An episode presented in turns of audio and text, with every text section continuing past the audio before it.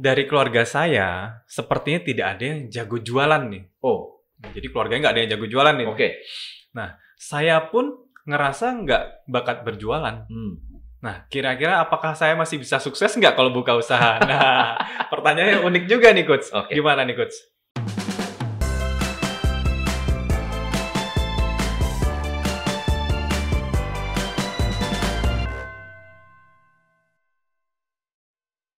Video ini dipersembahkan oleh Kospin Sumber Rizki, melayani, mendidik, mensejahterakan. Penjualan adalah sifat yang secara natural kita lakukan sejak bayi. Ya, jualan itu apa sih? Membuat orang melakukan apa yang kita mau. Prinsipnya kan seperti itu. Ya. Atau bertukar menukar, melakukan negosiasi untuk mendapatkan apa yang kita inginkan. Ya, kalau kita mau jualan berarti kita mengharapkan orang itu membeli produk kita, memberikan uang dan me- membeli produk kita. Waktu kita bayi, gimana cara kita jualan? Kalau lapar, supaya kita dikasih makan, kita nangis. Supaya kita digendong, kita nangis. Dan ada nangis yang panjang, ada nangis yang pendek. Itu semua bergantung dari tingkat kebutuhan kita. Tapi pada dasarnya, kita berkomunikasi untuk bisa menjual. Kita ingin em, meminta anak belajar. Itu kan prosesnya jual menjual juga itu menjual ide kita, memotivasi anak kita untuk melakukan apa yang kita mau. Ya. Jadi pada dasarnya tidak ada orang yang tidak bisa jualan. Tidak ada orang yang tidak bisa meyakinkan orang, bahkan walaupun kita tidak bisa bicara pun kita tetap bisa jualan. Pakai bahasa tubuh, pakai body language itu bisa jualan. Keyakinan ini harus dibangun dulu bahwa siapa pun bisa menjual, eh, kita bisa menjual apa pun kalau kita mau. Nah, tapi tetap namanya jualan ada seninya, ada tekniknya, ada caranya supaya kita tidak salah dalam meyakinkan orang. Tentu harus ada dasar-dasar dalam menjual.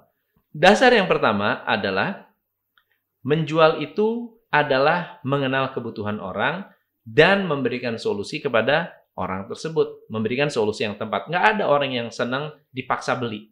Ya. Tapi semua orang senang belanja. Kan lucu. Semua orang senang belanja, tapi dipaksa beli nggak mau. Aneh kan? Iya. Semua orang senang makan, tapi nggak suka dipaksa makan. Dan kalau kita mengerti cara untuk mem- membantu orang memutuskan, ini akan menjadi sebuah percakapan dan hubungan yang langgeng antara kita dengan penjual. Misalnya ada orang membutuhkan produk kita, lalu kita langsung tawarin barang. Orang akan bilang, oh enggak deh, nanti dulu saya pikir-pikir dulu. Kenapa mikir-mikir? Karena belum sempat mikir. Jadi saat kita menawarkan, kita tidak memberikan kesempatan dia untuk berpikir. Lalu dia akan bilang, saya akan mikir nanti di rumah sesuai waktu saya. Tapi beda dengan kalau misalnya saya mau beli produk Anda. Kenapa Bu mau beli produk kita? Coba Ibu pikir dulu. Apa yang Ibu cari dari produk ini? Coba pikir dulu. Jadi di saat itu dia diajak berpikir bareng-bareng. Ketika banyak keputusan yang diambil, saya memilih karena ini, saya suka karena ini, dan itu keluar dari mulut dia, akhirnya dia mudah memutuskan. Kenapa? Apa yang harus saya pikirkan sudah saya bahas hari ini sama salesnya. Iya dong, salesnya udah bilang, kamu hebat banget ya.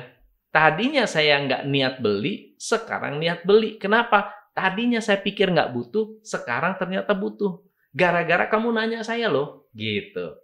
Dan dia sempat berpikir gitu ya. Betul. Karena ditanya, karena digali, karena dikonfirmasi, akhirnya jadi ngerti, oh iya saya butuh. Nah, seorang pengusaha harus bisa jualan. Kalau nggak bisa jualan, belajar cara jualan. Di mana belajar jualannya? Ada tiga tempat untuk belajar jualan. Yang pertama adalah nyemplung ke pasar. Itu paling cepat tuh. Lalu belajar dari kesalahan. Belajar dari kesalahan berapa banyak yang menolak kita. Nah, berapa banyak yang menolak kita itu sebetulnya pembelajaran mahal sekali karena nggak bisa didapatkan di kelas. Kalau saya menawarkan seseorang, Bu, saya punya produk ini, Ibu mau nggak? Nggak mau. Kita tanya, kenapa Bu nggak mau? Oh, barang ini kurang ini. Oh, oke. Okay. Ibu butuhnya yang mana? Itu nggak terjawab di dalam kelas. Dalam kelas motivasi mana pun nggak ada. Jadi, turun lapangan, ketemu customer langsung, ketemu prospek langsung, minta feedback, minta ditolak. Tolak deh produk saya. Apa yang salah dengan produk ini? Oke? Nah, ketika kita sudah mengerti, oh ini kekurangannya. Tanya juga kelebihannya. Yang ibu suka apa dari produk ini? Harganya pas atau tidak? Sesuai nggak dengan kebutuhan ibu? Kalau ibu beli, ibu akan happy enggak? Kalau misalnya ibu beli dengan harga yang ibu mau, are you happy? Kalau dia bilang, oh iya, kalau ini harganya di 50% lebih murah aja, saya happy.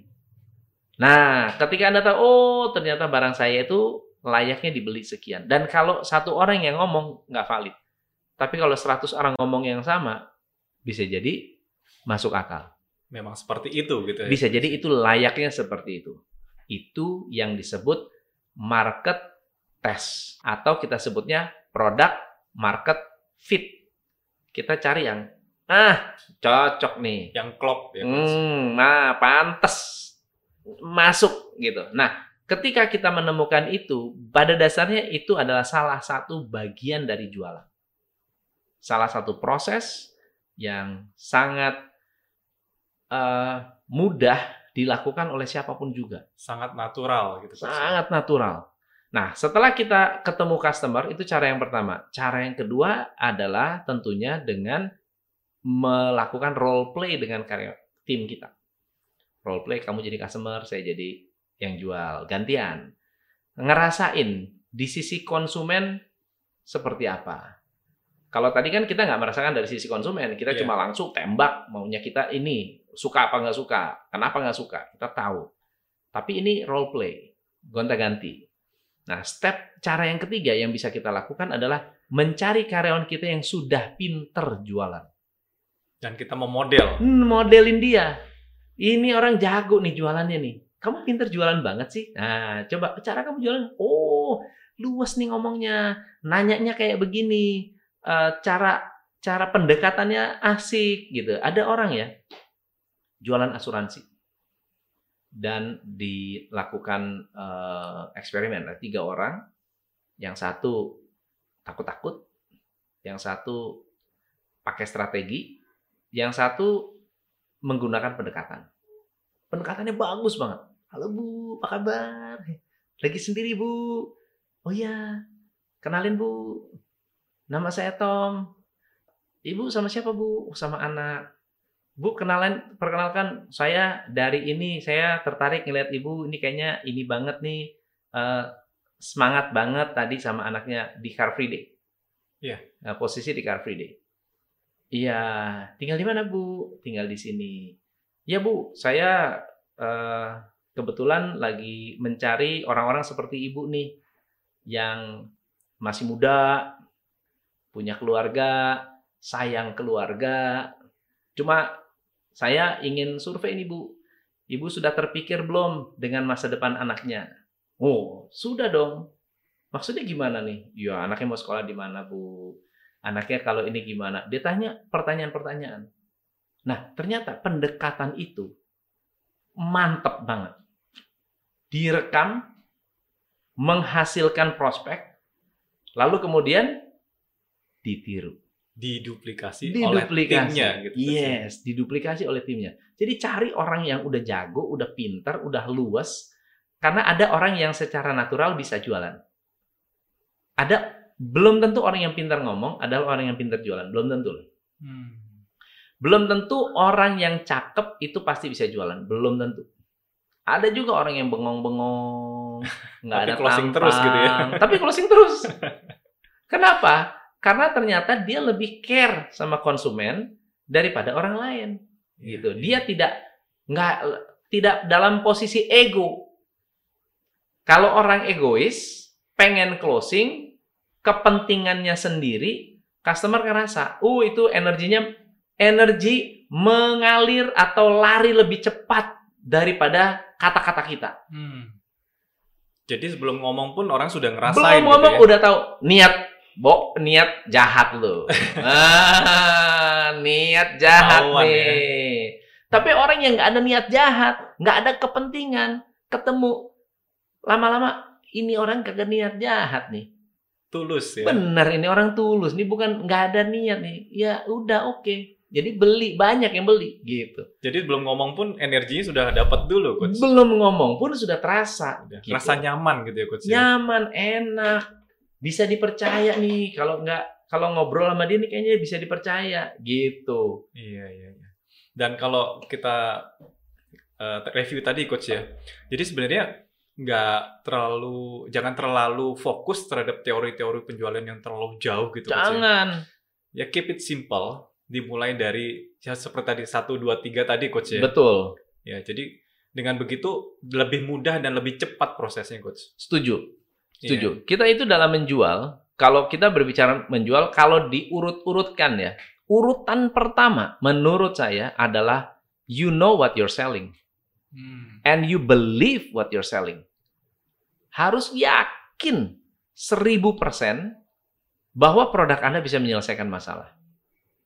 Jadi Anda nggak perlu meyakinkan orang karena Anda sudah yakin. Iya. Karena kebanyakan dari kita, kita berusaha meyakinkan orang karena sebetulnya kita sendiri nggak yakin. Nah itu masalahnya coach. Iya. Sana, coach ya. Tapi kalau misalnya kita udah yakin, lu nggak mau, eh, ya udah lu kalau nggak percaya nggak apa-apa. Pasti ada orang lain yang mau. Nggak apa-apa orang lain aja cari orang lain, gitu kan? Tapi kalau misalnya kita sendiri nggak yakin, saya berusaha meyakinkan orang untuk mencari korban yang belum tentu kalau dia beli benar-benar menyelesaikan masalah. Tapi kalau kita con- confident, yakin banget ini produk ini menyelesaikan masalah, udahlah. Nolak nggak mengurangi harga diri kita. Kita cari orang lain. Pasti akan beli. Pasti ketemu yang beli, yang mau. Pasti ketemu. Begitu. Itu keyakinan itu penting sekali. Yes. Hanya di Top Coach Indonesia.